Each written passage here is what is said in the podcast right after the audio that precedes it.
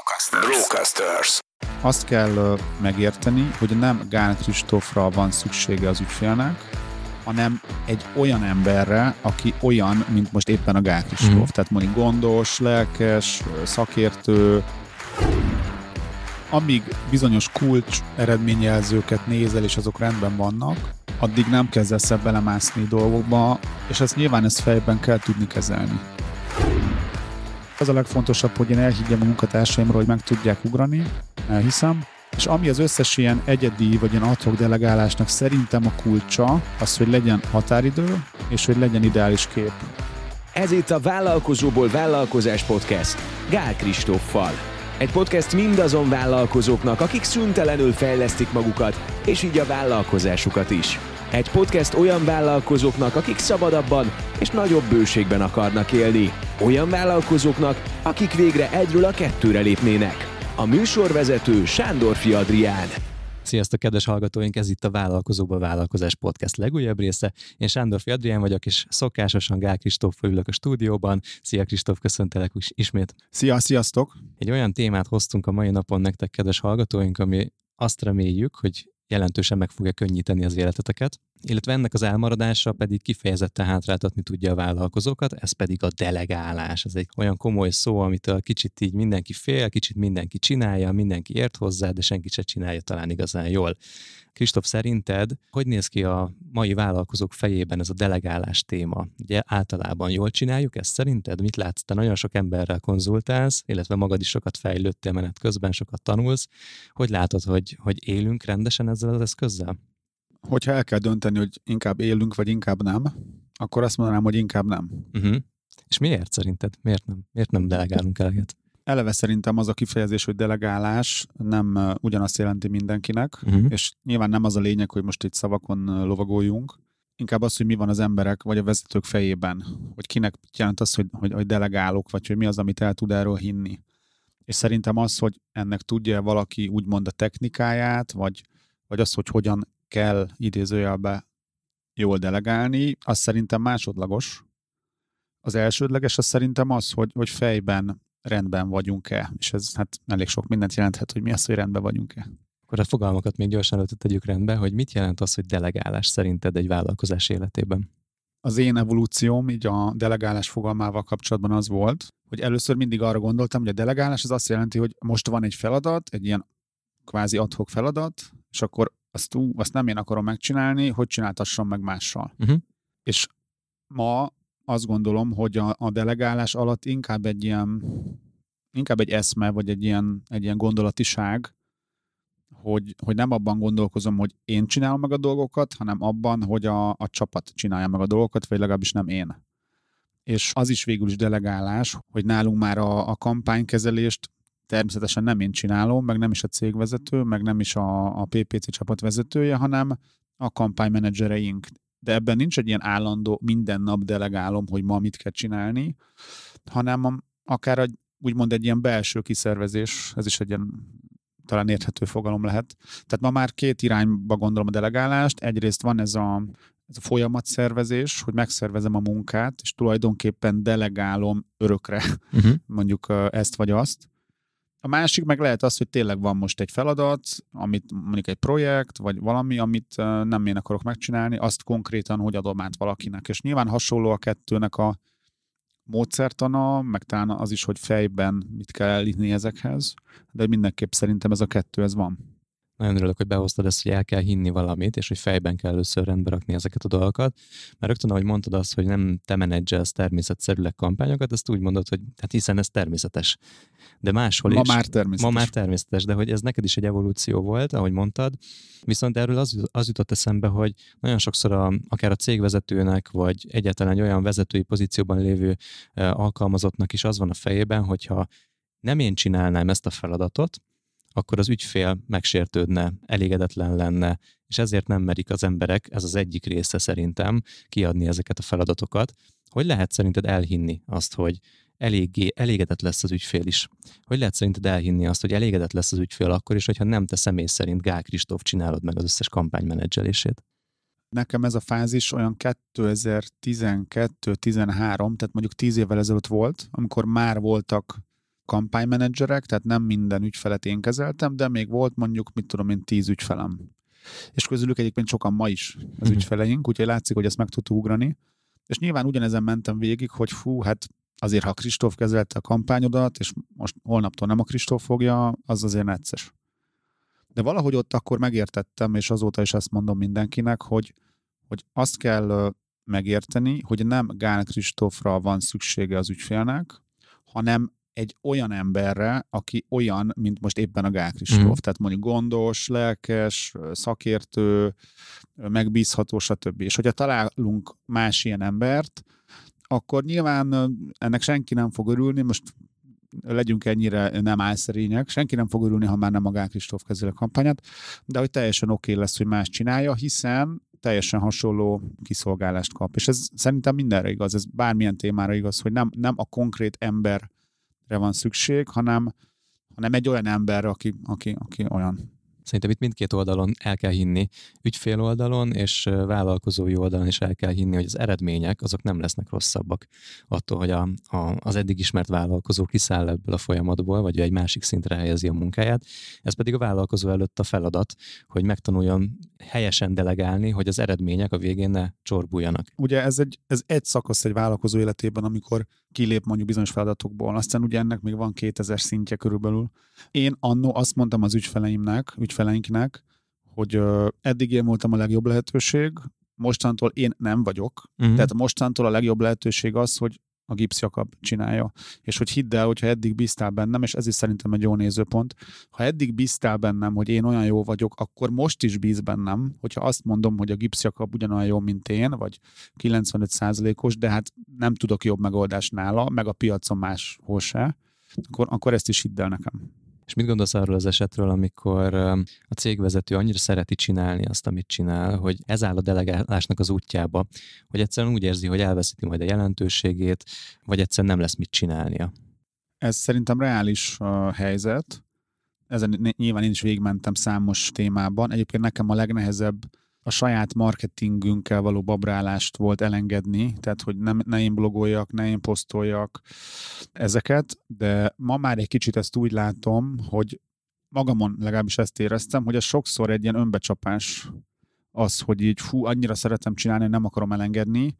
Valójában emögött is szerintem az van, hogy mivel annyira szeretem, és valószínűleg jó is vagyok benne, hogyha annyira szeretem, és mondjuk a cég tényleg úgy megy, hogy azt még nem tudom elhinni, hogyha nem én csinálnám, akkor olyan lenne. Uh-huh. Tehát valójában nem arról van szó, hogy én, én ó, én el tudnám engedni, mert már olyan butha vagyok, de annyira szeretem, hogy inkább én csinálom, hanem nem hiszem el, hogy uh-huh. ez Mhm. tudna jó lenni nélkülem. Nek, én ezt kezdtem magamban érezni, hogy baromira nem akarok már igazából a saját cégemnek blogolni, meg baromira nem akarok Facebook posztokat írni. Nem azért, mert nem szeretem, hanem már ilyen ne, ne, nem életszerű, csak még régebben nem hittem el, hogy ezt más tudná jól csinálni. Most meg elhittem, meg látom, és így eszemágában nem lenne blogolni. Aha.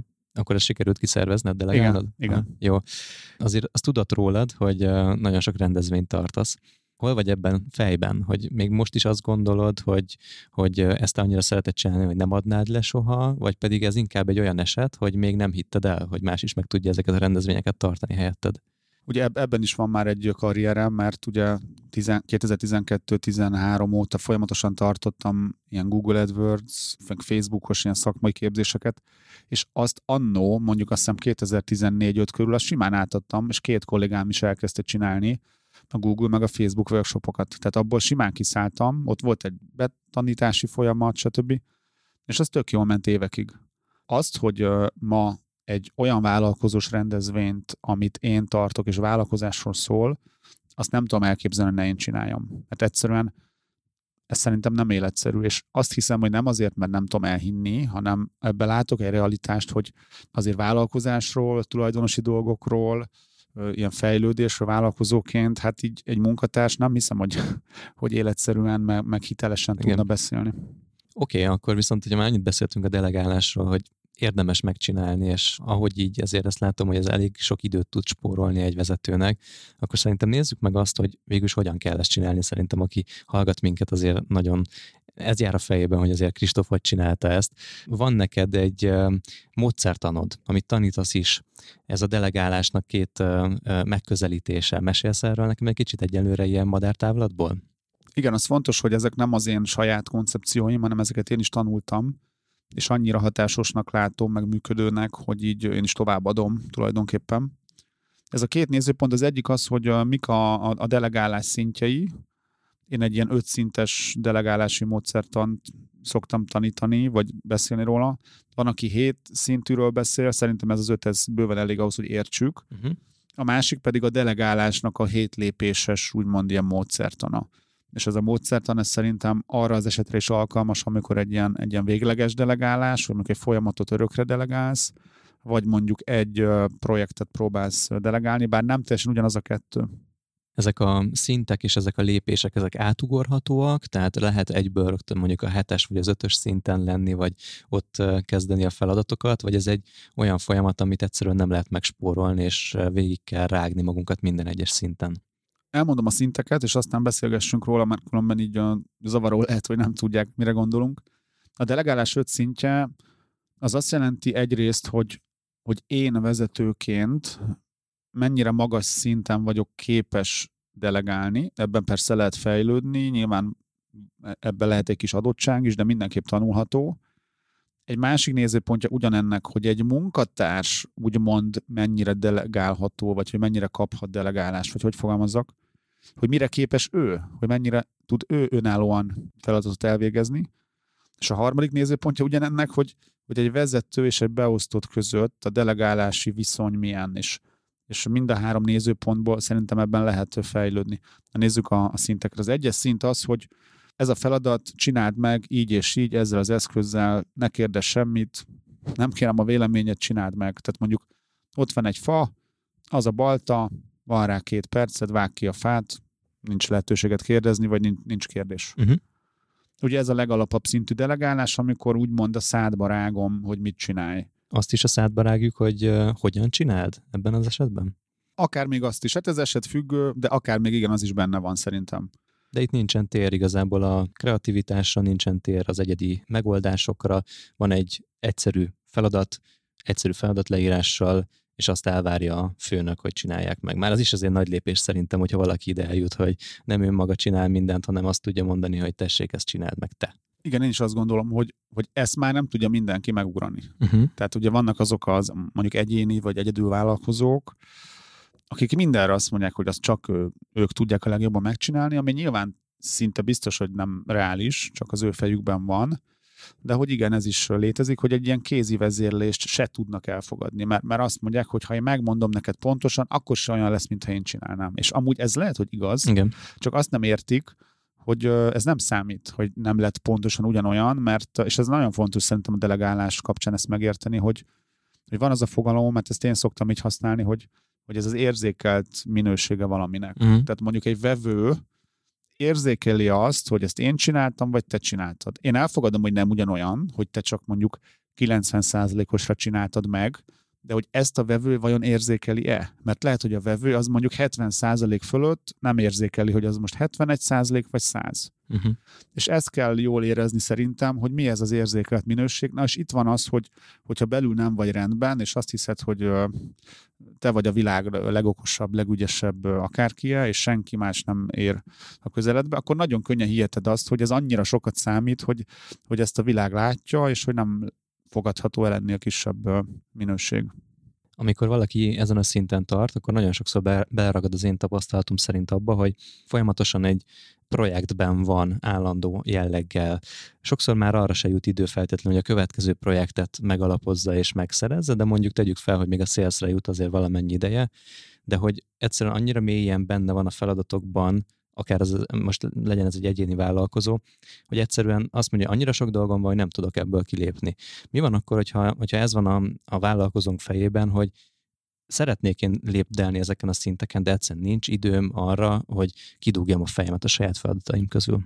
Szerintem minden ilyen szituációban, amikor azt is szokták mondani, hogy amikor egy terület, most úgy, hogy terület, hogy egy funkció a cégben, vagy egy terület a cégben, vagy valami, hogyha valahogy ott nincs rend, vagy nincs rendben, vagy túlterhelés van, vagy nem jól működik, stb. Ott mindig uh, általában tudáshiány van. Tehát, hogy aki mondjuk nagyon túlterhelt, neki abba lehet tudáshiánya, hogy miért nem tud mondjuk nemet mondani dolgokra, uh-huh. vagy miért gondolja azt, hogy minden neki kell megcsinálnia. Vagy lehet, hogy egy ilyen személyiségbeli úgymond tudáshiány, hogy kellene magát fejlesztenie, más nézőpontokat felvennie egy cégben, vagy valakinél valami nem működik jól, akár a magánéletben, ott szerintem mindig az van, hogy tanulni kell valamilyen mértékben. Tehát értsük meg azt, hogy, hogy valójában miért van az, hogy ennyire túl vagyunk terhelve, miért van az, hogy nem tudjuk kiadni a kezünkből, miért van az, hogy nem tudjuk elképzelni azt, hogy valaki más is meg tudja akár mondjuk 70%-osan csinálni helyettünk. Tehát ez egy önismereti munka részben. Abszolút szerintem. Akkor menjünk tovább. Mi a kettes szintje a delegálásnak? A kettes szint az az, hogy mondjuk úgy delegálom neked a favágást, hogy nem mondom meg pontosan, hogy hogy kellene megcsinálni, hanem azt mondom, hogy hoz három lehetőséget arra, hogy hogy lehetne azt a fát kivágni, uh-huh ezt mondd el nekem, majd én eldöntöm, hogy a három közül melyik, tehát a kontrollt úgymond meg a döntést magamnál tartom, azt mondom, hogy a kettessel csináld. Uh-huh. Itt ugye arra van szükség, hogy elhiggyem rólad, hogy tudsz hozni három olyan alternatívát, amit nekem nem kell már challenge hogy vajon az a legjobb három, mert ha, és nem azt mondom, hogy nem lehet az, hogy néha kijön, hogy szerintem nem az a legjobb három, de hogyha állandóan itt az lenne, hogy egyik se jó, egyik se jó, egyik se jó, akkor vagy nagyon rossz embernek próbálsz meg delegálni, vagy te nem vagy képes lazábbnak lenni ebben. Mind a kettő szerintem reális. Nekem a két szint között, az első és a második között az a nagyon nagy különbség, hogy a, azt a mentális terhelést delegáljuk, hogy ki kelljen találni, hogy mi a feladat, vagy hogy, ki kell találni, hogy hogyan oldódjon meg az a feladat. Lehet, hogy a feladat maga az ismert, de nem a vállalkozónak kell arra energiát, kreativitást, időt szánni, hogy, hogy a módot kitalálja hozzá. És ezt delegáljuk ebben az esetben, azon túl, hogy a feladat elvégzését is már.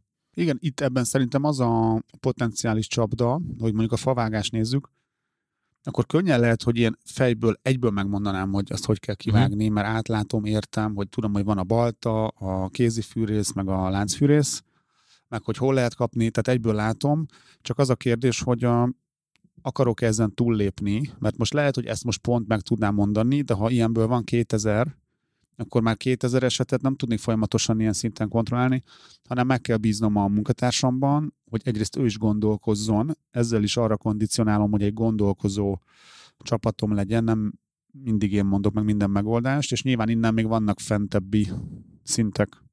Itt ebben én látom azt is, hogy teret hagyunk a hibázásnak.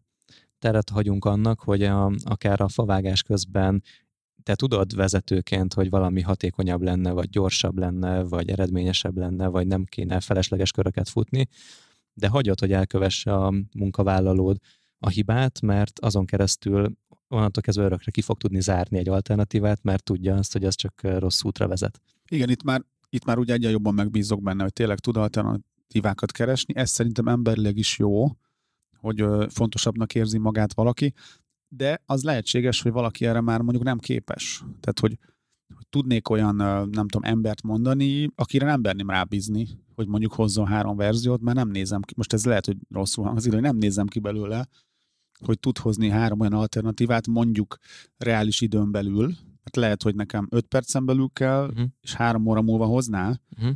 Tehát itt már előfordulhat, hogy, mert az egyes szintre szerintem azért az nagyon gáz, valaki nem képes. De a kettes szintre már előfordulhat, hogy adott szituációban valaki nem képes, és itt, itt behoznám azt a, a nagyon fontos nézőpontot, hogy nincs olyan, hogy, hogy rossz munkatárs, vagy valaki rossz ember, de olyan van, hogy az adott cég adott pozíciójához, az adott vezetési stílushoz mondjuk, az adott szituációhoz valaki passzol, vagy nem passzol.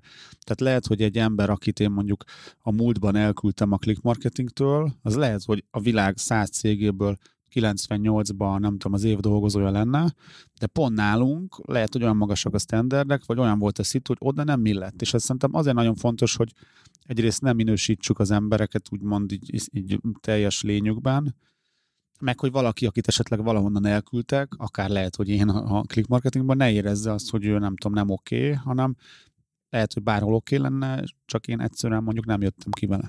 Itt a második színnél, és aztán majd robogunk tovább, de még az jut eszembe egy érdekes gondolatként, hogy lehet tréningelni az embereket arra, hogy alternatívákat hozzanak. Ugye ez egyrészt abból is fakad, hogy mit vár el a vezető. Tehát itt a kettes szinten már elvárott tőle, hogy alternatívákat hozzon, nem elégszem meg azzal, hogy visszajön a kérdés, hogy de főnök mit kell csinálni, vagy hogy csináljam. És ennek ellenére mégis előfordulnak ilyen esetek, hogy, hogy, hogy valahogy mégis mindig visszajön egy, egy, egy, egy alkalmazott, hogy, hogy mégis hogy kéne csinálni valamit, és ott van egy arany pillanat szerintem, amikor azt lehet mondani neki, hogy tudod te ezt, mik voltak azok a, mik azok a lehetséges le, alternatívák, amik szerinted irányba tudná tenni ezt a dolgot. Egy kicsit, hogyha visszaadjuk a felelősséget arra, hogy gondolkodjon, felhatalmazzuk a munkatársat, hogy gondolkodjon, akkor csodálatos dolgok tudnak kijönni ebből. Mi a hármas szint szerinted? Még annyit az előző gondolatodhoz, hogy hogy én úgy tapasztalom, hogy a legnehezebb döntések, meg helyzetek azok mindig akkörül vannak, hogy csak még valamit nem próbáltunk elég sokszor, meg elég keményen, vagy el kéne engedni. És akár egy, egy munkatárs kapcsán is, hogy csak még nem mondtam el neki elég jól, csak még nem hatalmaztam fel elég jól, csak még túl sok régi munkahelye volt, ahol mások kondicionálták, és még nem szoktam az új helyet, vagy el kéne engednem, mert ez nála nem fog működni. És itt a delegálásban is szerintem ugye egy munkatársal is lépkedhetünk fölfel ezen a skálán, és az reális, hogy mondjuk hoz valaki három olyan alternatívát a favágásra, hogy baltával vágjuk ki, kis baltával, közepessel vagy nagyjal. Uh-huh. És ezt a hármat hozza. És én erre visszajelzém neki, hogy ez tök jó, de hogy egy, ha egy picit nagyobb spektrumon gondolkoznál, hogy mondjuk balta, fűrész, láncfűrész, akkor talán jobb, jobban tudnánk választani. És ha ezt mondjuk tegyük fel, hogy megérti, itt már lehet, hogy nem érti meg, és lehet, hogy így, hogy ezt nem látja be, lehet, hogy akkor átgondolja és hoz három jó alternatívát, de és itt az a kérdés, hogy a következő alkalommal mi lesz. Igen. Hogyha a következő azt mondom, hogy nézd meg, hogy mibe tölthetünk vizet, és azt mondja, hogy kis pohárba, közepes pohárba vagy nagy pohárba, és megint ugyanaz, hogy, hogy nem érti ezt, hogy a, a, a nagyobb spektrumon nézzük a szitút, akkor már egy kérdés, hogy vajon érdemes-e harmadszor megpróbálni negyedszer, vagy pedig neki valahogy ez egyszerűen nem megy. És ezzel amúgy nincs baj, hogy nem megy, mert lehet, hogy a világ száz másik dolgát jól tudná csinálni, de velem, mint vezető, lehet, hogy nem fog tudni jól együtt dolgozni, mert én, én nem ezt várom. Oké, okay, akkor mehetünk tovább a hármas szintre? Kíváncsi vagyok most már ezek után, hogy mik ezek az árnyalatni különbségek. A harmadik verzió az, hogy, hogy igazából egy megoldást hoz. Hmm. Tehát nem érdekel a három, de nyilván te vizsgáld meg az alternatívákat, de hogy hozz egy döntést, vagy pontosabban egy előkészített döntést, hogy egy stíl láncfűrészsel vágnám ki ezt a fát és én azt döntöm el, hogy oké, okay, vagy nem oké, okay, hanem mondjuk hoz még verziót, mert nem tetszik. Tehát itt már igazából egy, ez egy maga, sokkal magasabb szintű, hiszen majdnem, hogy a döntést rád bízom, igazából nem bízom rád, hiszen én leokézom, tehát még magamnál tartom a tényleges döntést, de ez már, ez már egy, itt már kell egy bizalom a vezetőtől, hogy elfogadom, hogy a, nem is tudom, hogy mi a kettes, hármas, négyes alternatíva, hanem az biztos jó. És itt is megint az van, hogyha mindig az van, hogy nem, nem jó, nem jó, nem jó, nem jó, akkor vagy nem oké a munkatárs, vagy én nem tudom ezt kellően elfogadni. Egyre inkább azt látom, hogy ez az öt lépés inkább ez egy ilyen bizalmi létre. Tehát minél feljebb megyünk, annál nagyobb bizalmat tudunk ö, átadni valaki felé, annál nagyobb bizalmat éreznek a munkatársak, annál jobban fel vannak hatalmazva. És a másik, ami eszembe jut erről, az a, az a fontos dolog, hogy ebben a harmadik pontban már ismét spórol mentális energiát a cégvezető, vagy a vállalkozó, vagy a vezető, mert nem kell a döntést neki meghoznia, hogy a három alternatíva közül melyik lesz a legjobb. Ez egyébként egy csomó időt is spórol, mert akkor ne, végeredményben a kettes szinten azért a vezetőnek mégiscsak meg kell vizsgálni annak a három alternatívának a helyességét. Itt a harmadik szinten már ezt is delegáltuk, tehát az alternatívák közti választásnak is megtörténik a delegálása jelen esetben, és ez már megint csak nagyon sok időt spórol, meg nagyon sok mentális energiát. És itt jönnek azok az esetek szerintem, amikor azért nem tud előrelépni egy munkatárs, mert mondjuk nem elérhető a főnöke, túl sok dolga van a vezetőnek, és egyszerűen csak en, elég lenne ennyi, hogy három alternatíva közül válasszon a főnök, de egyszerűen nem jut oda, hogy azt az e-mailt mondjuk elolvassa, vagy nem jut oda, hogy 15 percet tudjon beszélni a munkatársával, és itt születnek meg azok az élmények cégen belül, hogy egyszerűen nem jutunk előre, nem haladunk, nem tudunk előrelépéseket generálni, és ez az érzés megvan a munkatársban is, és a vezetőben is. Csak mind a kettő valahogy így, valahol így elcsúszik egymáson. Igen, és itt szerintem úgy lehet fölfele skálán lépkedni, csak hogy ezt valaki el tudja képzelni, hogy mondjuk felvettelek favágónak, elmondtam, hogy hogy vág ki egy fát, 10-ből 10 pont úgy kivágtad, tök jó. Uh-huh. Lépünk a kettes szintre, hozza alternatívákat, és hogyha ha azt látom, hogy mindig jó az a három alternatíva, tehát sose volt olyan, hogy, hogy valami óriási benézés, akkor mehetünk a hármas szintre, hogy hoz, hoz már csak egyet. És akkor így folyamatosan tudunk lépkedni, hogy látom, hogy, vagy például a kettes szinten, ahol ugye van a három alternatíva, lehetne az, hogy megkérdezem, hogy te melyiket csinálnád.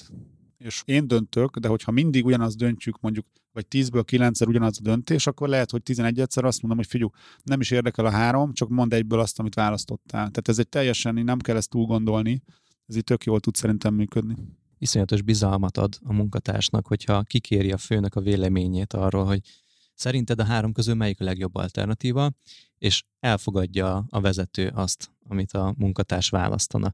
És amikor újra és újra és újra ez a tapasztalása egy munkatársnak, hogy, hogy a főnök egyetért vele, az egy nagyon nagy ilyen belső bizalomérzést generál, és önbizalmat épít valójában, és szerintem itt azért ahhoz, hogy valaki döntést tudjon hozni már három alternatíva között, ahhoz kell egy nagyon magas fokú önbizalom is. Nem csak az, hogy a főnök bízzon benne, hanem önmagában is bízzon a munkatársunk. És ezt így lehet elérni szerintem, hogy, hogy felhatalmazzuk arra, hogy válasszon, és ráhagyjuk, feltéve, hogy ez nem a rossz irány.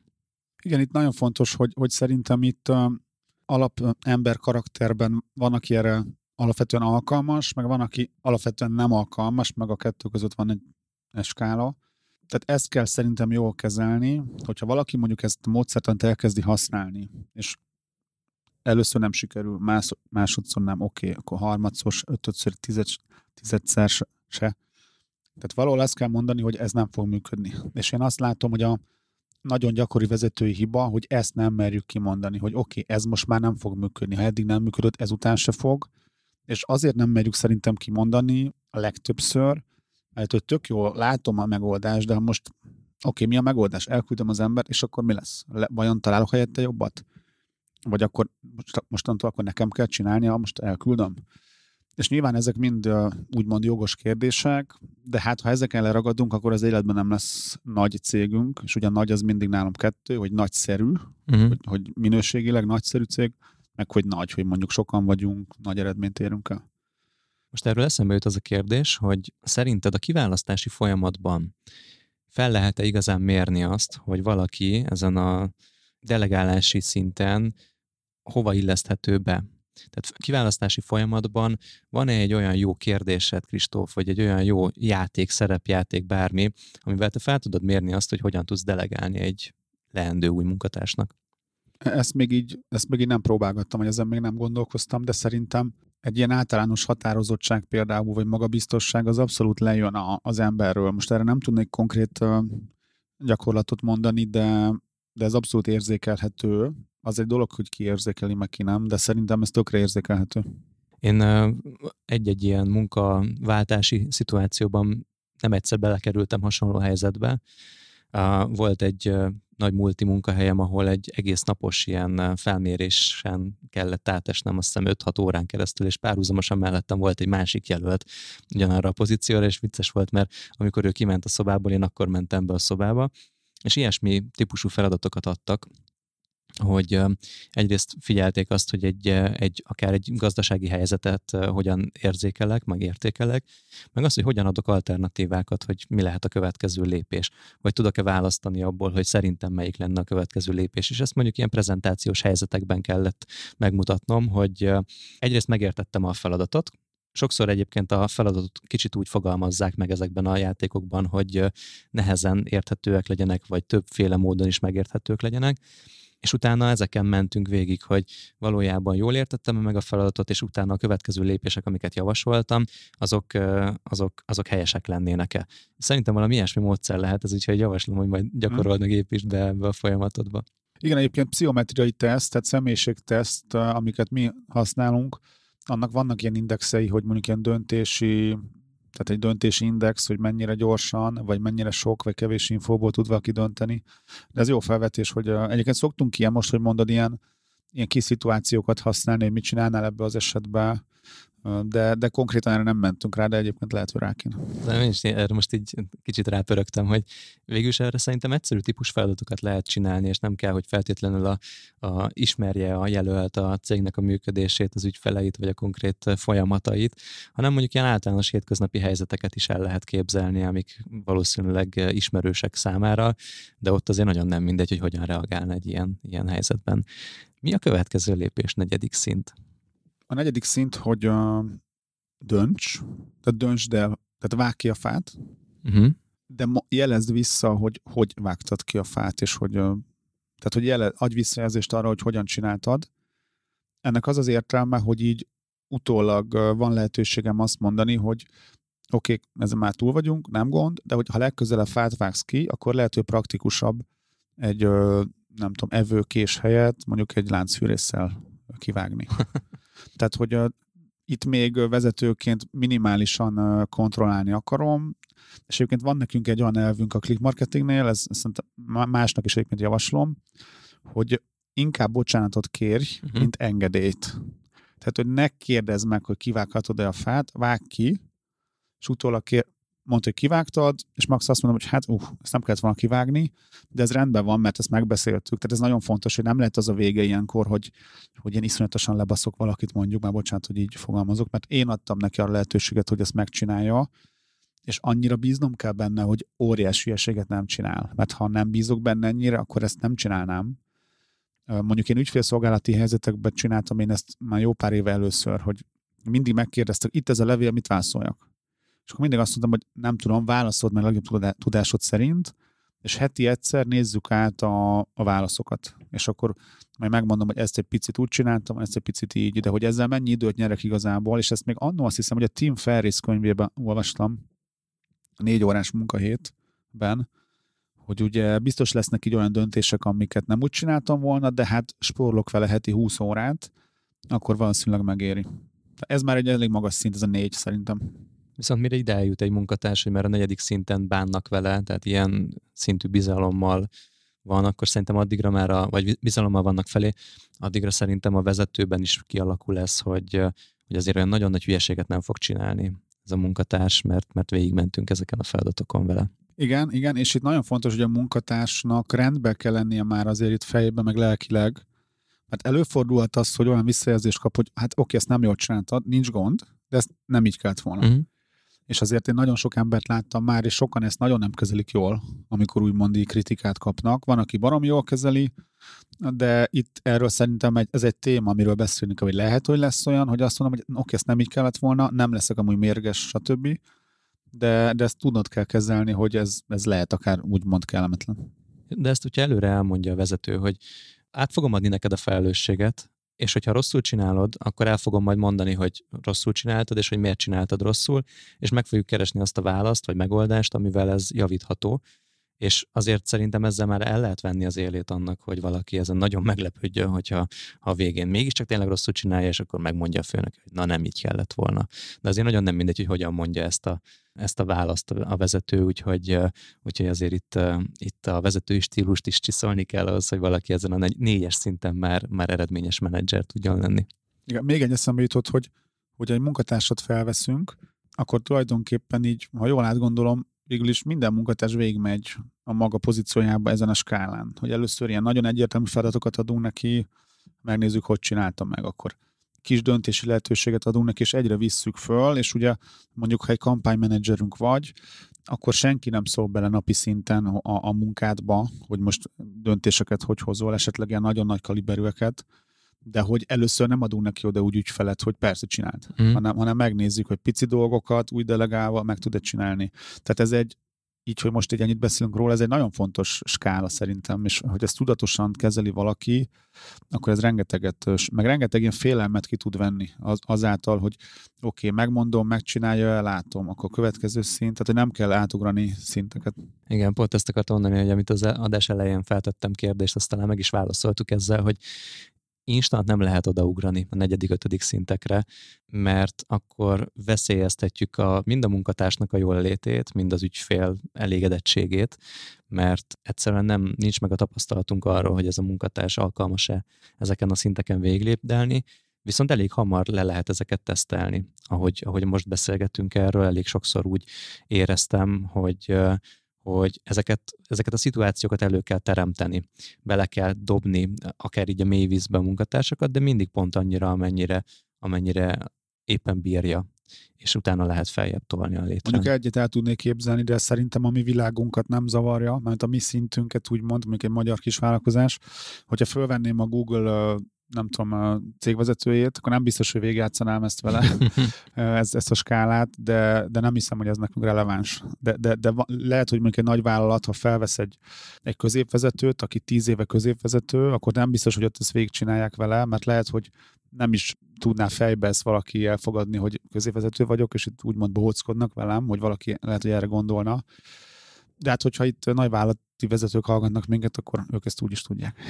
Vagy ezen a kiválasztási folyamatban ők már éltek azzal az eszközzel, hogy megmérték, hogy a, az ötös skálán hol tart ez a középvezető, és azért vették fel, mert tudják, hogy legalább a hármas szinten. Hogy, hogy előre elhiszem, hogyha mondjuk a, mondjuk a click marketingből elmenne egy vezető, aki öt éve nálunk vezető, akkor akkor lehet, hogy valaki elhiszi, hogy nem kell ezt vele végigcsinálni. De mondom, úgy mondom, a mi szintünkön, egy magyar kisvállalkozás, itt nem hiszem, hogy ez a, az életszerűbb.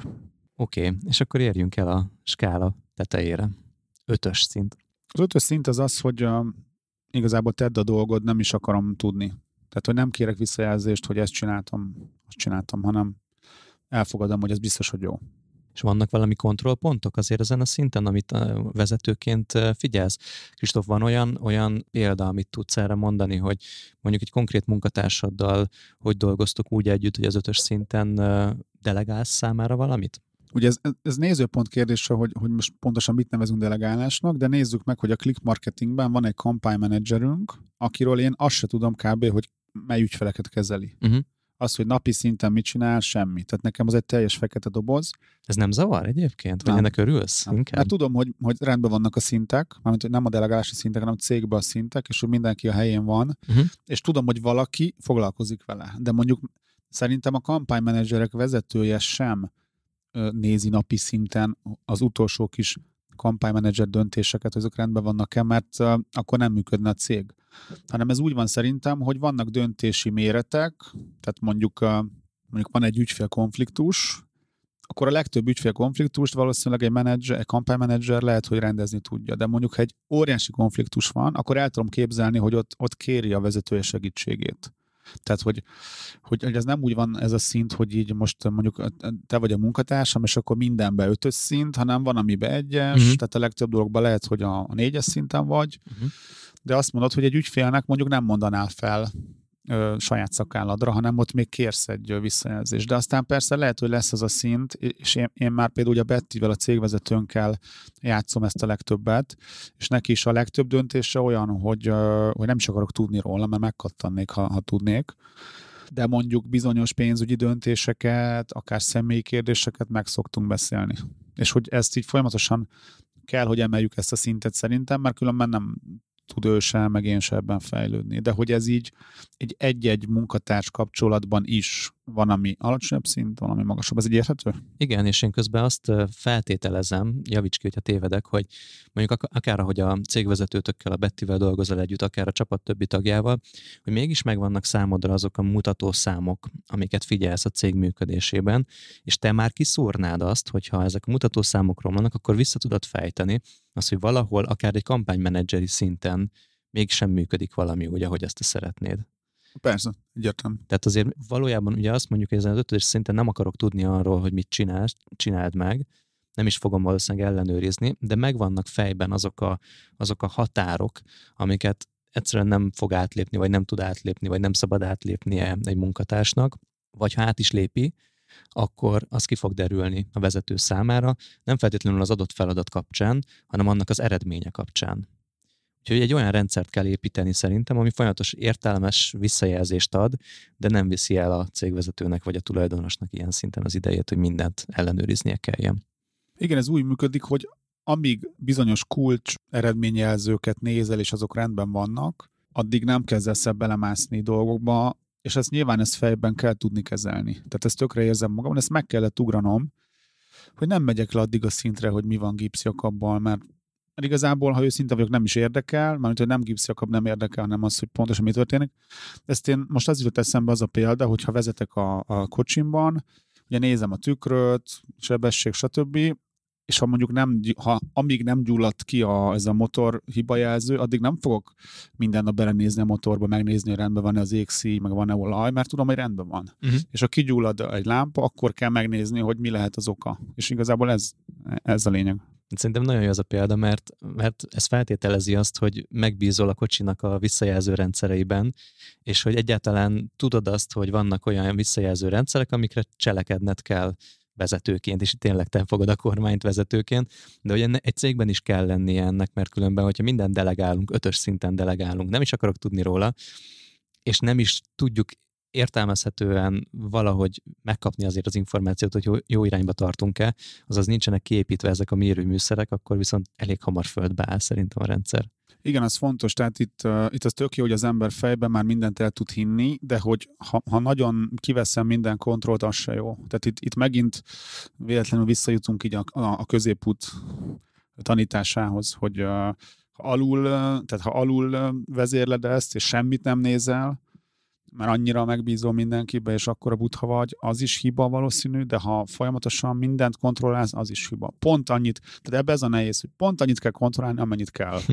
Na és ez egy kicsit a művészet, meg a tapasztalat, meg a tanulás, meg a, követ, meg, meg, a, meg a, a, a lelkileg, meg a fejben rendben lévőségednek a, az eredménye, hogy, hogy érzed, hogy uh, ennyi kell.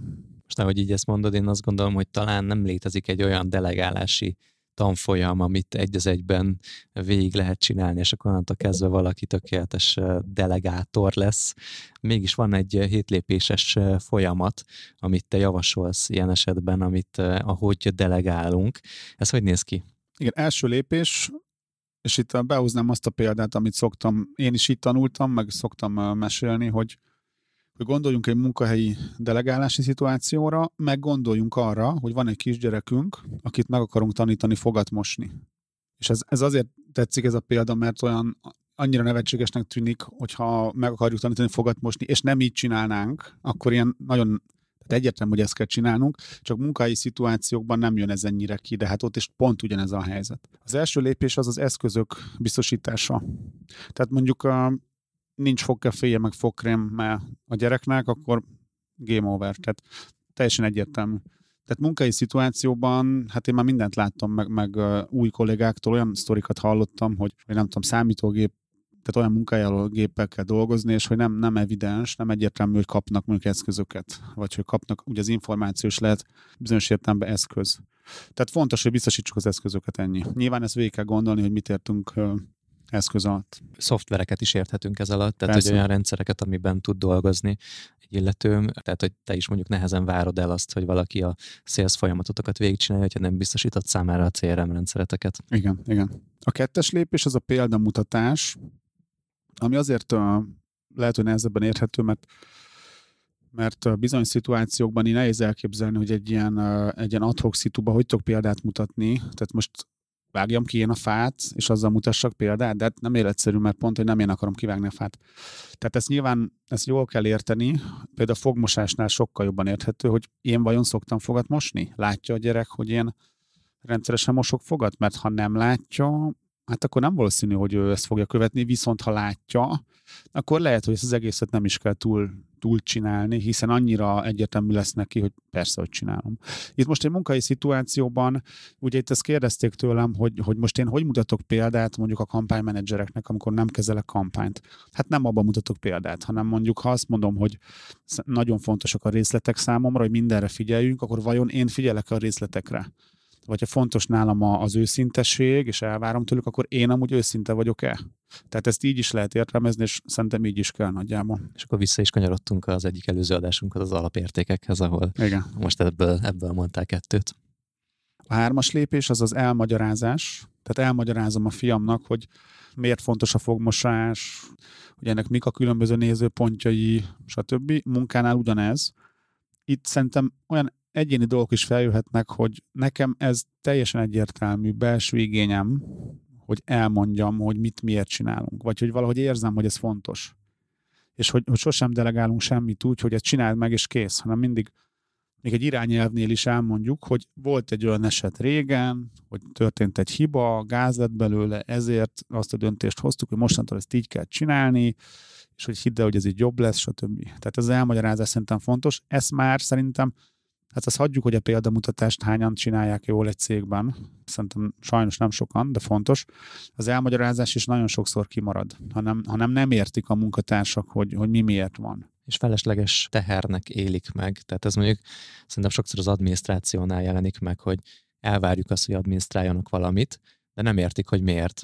És hogyha értenék, akkor talán látnák azokat az előnyöket is, amik számukra is előnyök, de hogyha egyébként a folyamat mögött nincsenek előnyök, ami visszaszáll a munkatársra, akkor lehet, hogy a folyamat is rossz önmagában. Igen, és amúgy lehet, hogy van értelme annak, amit kérek, de az is lehet, hogy nincs.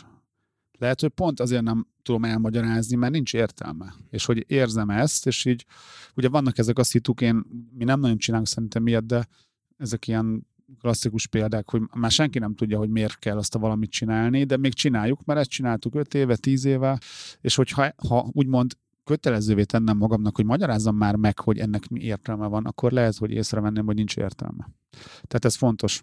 A négyes az a megmutatás, tehát hogy megmutatom, hogy hogy kell jól csinálni. Ugye fogmosásnál el tudom képzelni, hogy mutatom a, a helyes fogmosást.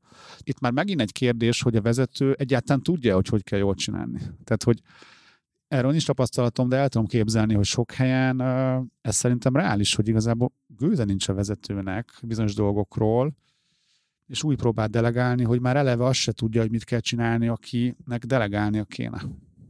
És hogyha persze nem mutatom meg, hogy hogy kell fát vágni, hogy várhatnám el, hogy, hogy olyan lesz a favágás? Hát ez is szerintem nagyon gyakran kimarad, mert ugye macera, jaj, most megmutatom, tehát igen, ez, ez, ez pedig fontos. A hatos, vagyis az ötös, az a gyakoroltatás, ugye ezt úgy képzeljük el, hogy megmutattam, hogy hogy kell fogat mosni, akkor most, most te fogat, és megnézem, hogy jól csinálod-e, és ha nem jól, akkor adok visszajelzést. És itt ugyanez, hogy, hogy mondjuk delegálom a, a számlázást, meg elmondtam, hogy miért fontos a számlázás, mi miért használjuk a számlász.hu-t, miért, így áll, miért azt írjuk oda, stb. Megmutatom, tehát kiállítok számlákat. Na most akkor te, ugye ez lenne az ötös gyakorlatilag, hogy most te állíts ki számlát.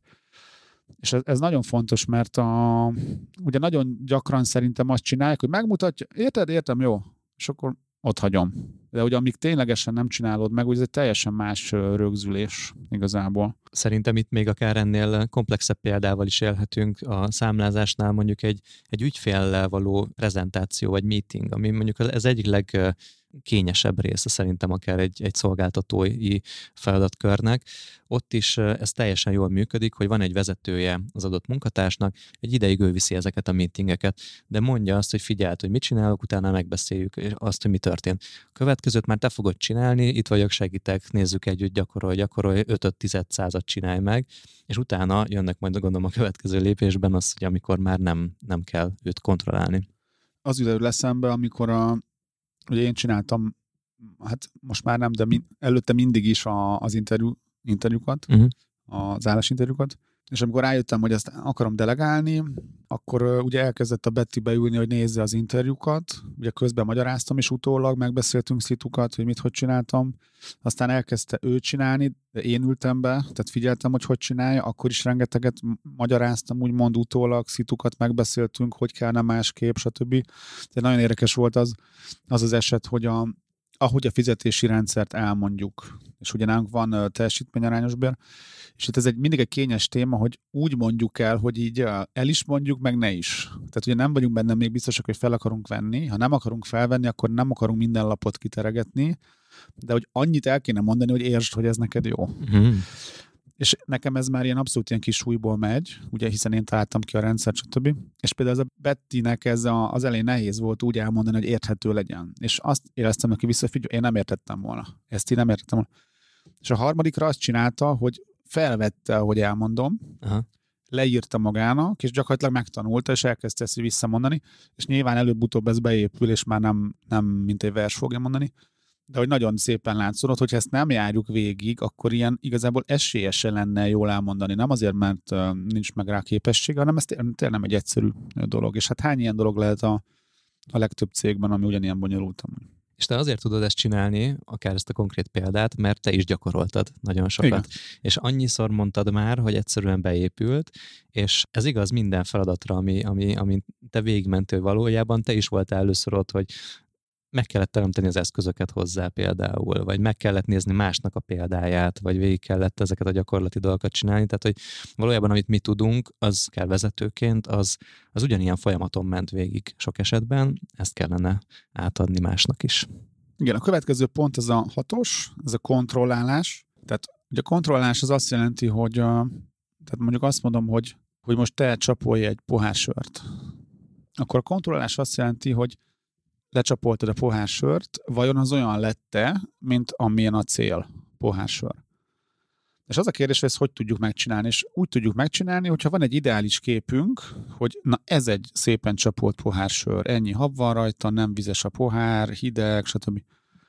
Ha ezt nem tudjuk, hogy mi az ideális képe ennek, akkor igazából így, így csak egy ilyen blöffölgetésé válik, vagy legalábbis így azt mondom, hogy ez jó, ez nem jó de hogyha nem tudok mellé tenni valamit, hogy azért nem jó, mert nézd meg, így néz ki egy pohár sör, tiéd meg nem ilyen, akkor csak egy ilyen bóckodás lesz belőle.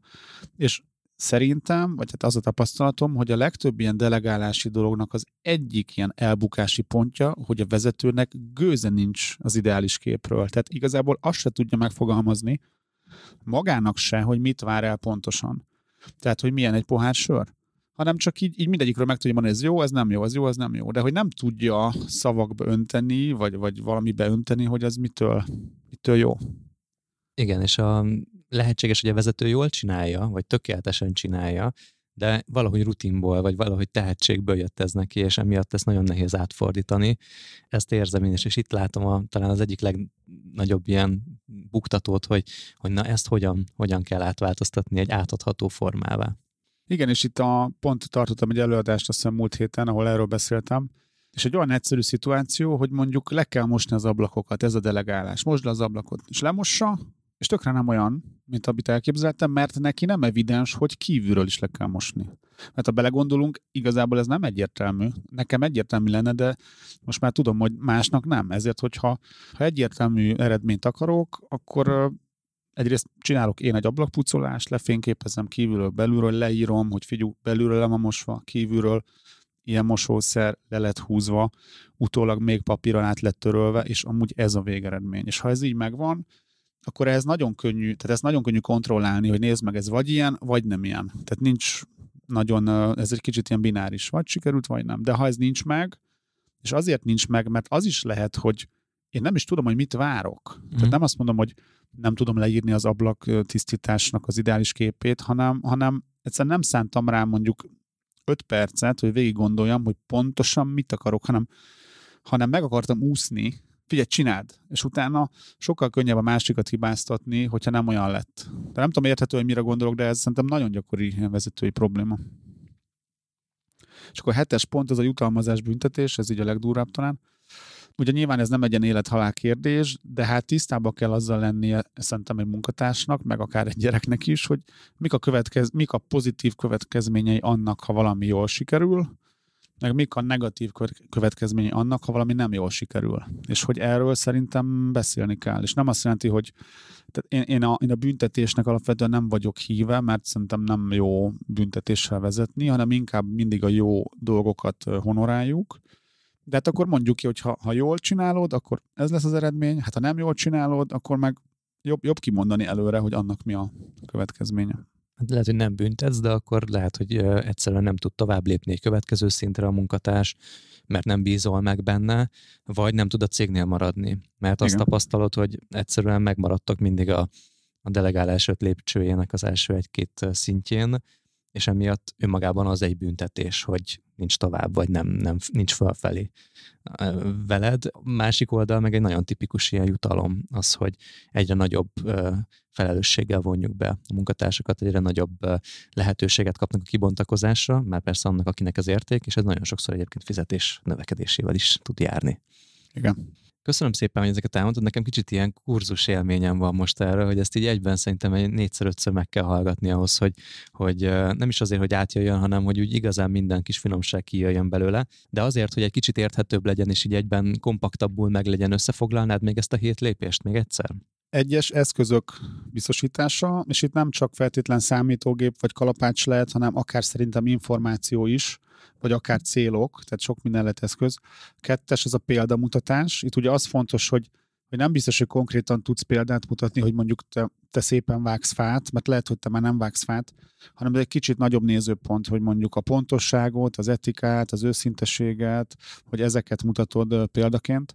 A hármas az az elmagyarázás, tehát hogy, hogy mondjuk el, hogy mi miért van, mi a cél, hogyan kell ezt jól csinálni.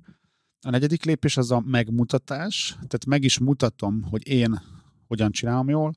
Az ötös az a gyakoroltatás, tehát most te csinálod, és akár adok visszajelzést, hogy jó vagy nem jó.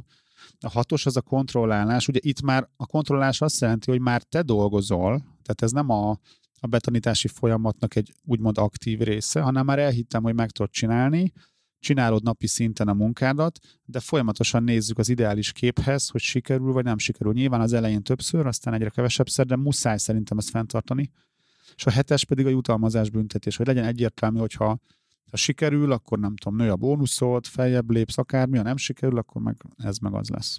Nekem már csak egy kérdés motoszkál a fejemben, az pedig az, hogy mi van azokkal a feladattípusokkal, amik nem standardek, nem rendszeresen ismétlődő feladattípusok, akár olyanok, hogy a vezető számára is kreativitást igényelnek, új ötleteket igényelnek részéről. Ezeket lehet delegálni helyesen szerinted? Persze. Itt van nálunk most egy olyan szituáció, hogy egy ilyen hitelügyletet csinálunk a cégben, egy ilyen hitelváltást csinálunk, és ezt én találtam ki, tehát ezt én tűztem ki célnak, nyilván nem én intézem. Szerintem itt az a legfontosabb, hogy én elhiggyem a munkatársaimról, hogy meg tudják ugrani, elhiszem, és ami az összes ilyen egyedi vagy ilyen adhok delegálásnak szerintem a kulcsa, az, hogy legyen határidő, és hogy legyen ideális kép. És itt mi egy kicsit folyamatosan küzdünk ezzel a, például a határidő témával a cégben, hogy egyrészt vezetőként figyelj, figyeljek én is rá, meg más is, hogy mindenhez adjak határidőt, és, ne, és mondjuk az nem jó határidő, hogy péntek. Mert ha azt mondod, hogy péntek, akkor majd reggel kilenckor azon gondolkozol, hogy vajon megvan-e, vagy meg lesz-e délbe, ugyanez ötkor, jó, végül is péntek van, este tízkor is péntek van. Tehát a Bettinek a kedvenc határideje ez a péntek dél például. Tehát, hogy 12.00, és akkor nem kérdés, hogy ha 12.01-kor nincs meg, akkor nincs meg. És azt addig el lehet vinni, hogy mondjuk péntek dél, és az a megoldás, hogy e-mailben átküldted a nem tudom mit. Mert ha ezt nem teszed hozzá, akkor lehet, hogy kérdezed pénteken egykor kész van? Ja, persze kész van. Jó, de hol az eredmény? Ja, azt nem mondtad, hogy átküldjem. Tehát, hogy nagyon-nagyon, és ez ideális képnek a része, hogy az elvégzett feladat átküldve nekem, úgyhogy mondjuk meg is kaptam. Az ideális képnél jut ez az eszembe, hogy sokszor szerintem talán maga a vezető sem tudja, hogy mi az az ideális kép abban az adhok projektben, abban az egyedi kreatív projektben, de azt talán lehet már elképzelni, hogy mi a következő lépésig az ideális kép. Tehát, hogy még lehet, hogy együtt mind a, akár a vezető sem tudja, hogy, hogy hogy fogunk egy ilyen nagy projektet közösen megcsinálni, de azt már el kell tudni képzelni, hogy a következő lépésig hogy jutunk el. És valójában az már lehet egy határidőhöz köthető dolog. Nekem még az egy nagy tanulság, hogy tehát sokáig azt csináltam, hogy azt mondtam, hogy mondjuk két hét a határidő, és még akár az is lehet, hogy éreztem, hogy ne, nincs sinen a projekt, de hát oké, okay, nem szól, nem szól, és két hét után kiderült, hogy off az mm. egész, nem sikerült, és akkor ott álltunk, hogy nem sikerült és hogy rájöttem, hogy itt nem ez a cél, hogy szívassuk egymást, hogy ha azt mondtad, hogy sikerült, de nem sikerült, hanem hogy vezetőként nekem az is a feladatom, hogy hogy valamennyire kontrolláljam. Tehát mondjuk, hogyha tíz nap a határidő, akkor mondjuk második nap megkérdezzem, és ez mondjuk egy perc, tehát ez nem sok idő, hogy figyelj, sinem van az ügy, öt tartunk ott, ahol tartunk, hogy vegyük észre, ha nem, és akkor, akkor be tudjunk avatkozni. Azért ezzel a határidő kérdéssel egy elég komoly ajtót nyitottál így az adás végére, tehát lehet, hogy ez egy komplet beszélgetést érne meg, hogy végül is hogyan menedzseljük a kollégákat, úgyhogy remélem, hogy ennek majd szentelünk egy következő adást. Ettől függetlenül azért, azért nekem így megnyugtató, hogy azt mondod, hogy egy kreatív folyamatot, vagy kreatív feladatot is lehet delegálni. Nekem sokszor az is jut eszembe erről, hogy lehet, hogy azt nem tudom megmondani, hogy hogyan csináld, de azt meg tudom mondani, hogy én fejben hogyan raknék össze egy kreatív megoldást. Például az, hogy az előbb emlegetett módon, hogy az alternatívákat hogyan gyűjteném össze. És hogy szerintem a kreatív folyamatot is valahogy meg lehet tanítani, és ezt is lehet gyakoroltatni. Tehát minden, amiről ma beszéltünk, az valahogy így visszaköszön ebben is, és nekem az egy tapasztalatom, hogyha merünk kreatív és egyedi, nem standard folyamatot valakire bízni, akkor derülhetnek ki igazán azok a rejtett képességek, amik mondjuk egy túl standardizált feladatkörbe egyszerűen nem tudtak szem elé kerülni.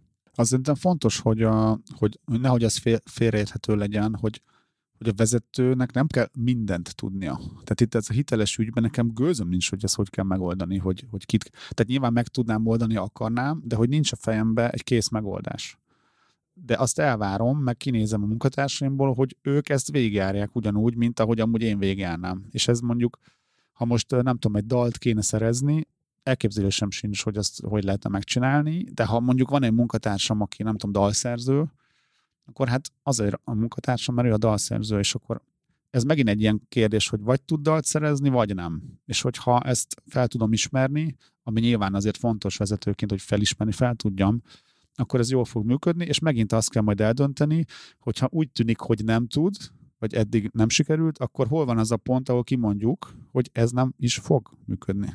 Mm. Hú, ez szerintem ez egy komoly, mély beszélgetés volt, és tényleg azt érzem, hogy, hogy olyan érték van benne, hogy, hogy ez egy, ez egy örökzöld adás lett, úgyhogy köszönöm szépen, hogy ezt megosztottad velünk, velem.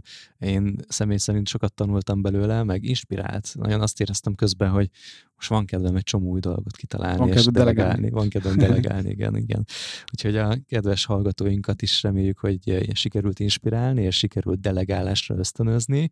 Úgyhogy ha ez az adás tetszett nektek, akkor legyetek kedvesek, osszátok meg a hasonló delegálási zűrzavarban sínlődő vállalkozó társaitokkal, mert hasznos lesz nekik. Talán szolgálti közleményként még érdemes egy-két dolgot elmondanunk, hogy hogyan tudtak Kristóffal találkozni, beszélgetni. Nekem az egyik tippem az, hogy lépjetek be a zárt Facebook csoportunkba, ez a vállalkozóból vállalkozás csoport, és ez most már tényleg zárt. Podcast, már... vállalkozóból vállalkozás podcast. Igen, ez a csoport neve és hogy tényleg zárt, mert hogy azt gondolta Kristóf, hogy meg én is így gondolom, hogy egy zárt közegben jobban lehet beszélgetni bizonyos témákról, és nyugodtan kommenteljetek ezekhez a posztokhoz, írjátok meg a saját véleményeteket, akár delegálás témakörben is, illetve hogyha kevésbé interaktív megoldásokat szeretnétek, akkor vannak Kristóféknak online megvehető kurzusai és termékei is, amiket clickmarketing.hu megtaláltok, illetve vannak rendezvények, ezeket is nézzétek meg, nagyon sokat lehet tanulni ezekből. Köszönjük szépen, hogy velünk voltatok, ez volt a Vállalkozóból Vállalkozás Podcast, Gál Kristóffal, én pedig Sándor Adrián vagyok. Sziasztok! Sziasztok! Ez volt a Vállalkozóból Vállalkozás Podcast Gál Kristóffal és Sándor Adriánnal. További epizódokért és tartalmakért kövess Gál Kristófot a Facebookon, de megtalálsz minket a Spotify-on, az Apple és a Google Podcast appokban, a Soundcloud-on és a további podcast platformokon is. Hamarosan egy újabb epizóddal érkezünk. Brocasters.